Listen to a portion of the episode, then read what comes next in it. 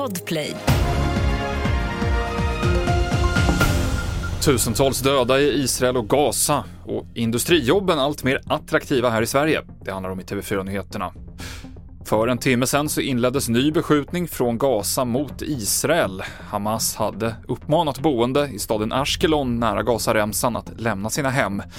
Enligt Israels ambassad i USA har över 1000 israeler dödats och över 3400 skadats sedan i lördags. Hälsomyndigheten i Gaza uppger att över 750 palestinier är döda och över 4 000 skadade i de israeliska angreppen, där 200 mål i Gaza ska ha angripits bara nu under natten. Dessutom uppger Israel att man dödat 1500 Hamas-krigare inne i Israel. Polisen kopplar flera av brandattentaten i Stockholmsområdet i natt till den pågående våldsvågen. Det brann på sju olika ställen i fyra villor och tre flerfamiljshus, men ingen person skadades allvarligt. Och enligt polisen har två personer anhållits misstänkta för mordbrand och man varnar för att brandattentat kan ha blivit en ny metod för de kriminella gängen. Ja, men det är ett relativt nytt tillvägagångssätt som vi ser. Eh, vi värderar det just nu, vad det beror på. Eh, vi har tagit väldigt mycket sprängmedel i beslag den senaste tiden. Det skulle kunna vara en hypotes om varför vi ser den här utvecklingen.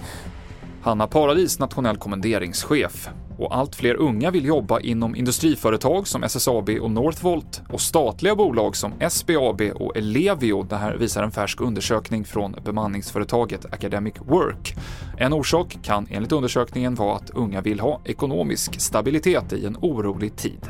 Jag kommer ju bli rörmokare, så det är det jag kommer göra ett par år och sen så tänkte jag att jag blir ja, men, svetsdykare på en oljeplattform.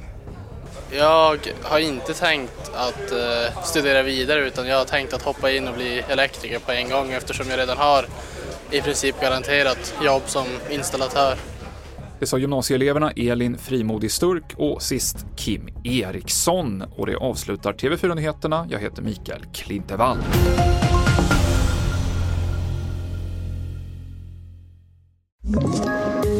Poddtips från Podplay. I fallen jag aldrig glömmer djupdyker Hasse Aro i arbetet bakom några av Sveriges mest uppseendeväckande brottsutredningar. Går vi in med hemlig telefonavlyssning och, och då upplever vi att vi får en total förändring av hans beteende. Vad är det som händer nu? Vem är det som läcker? Och så säger han att jag är kriminell, jag har varit kriminell i hela mitt liv men att mörda ett barn, där går min gräns.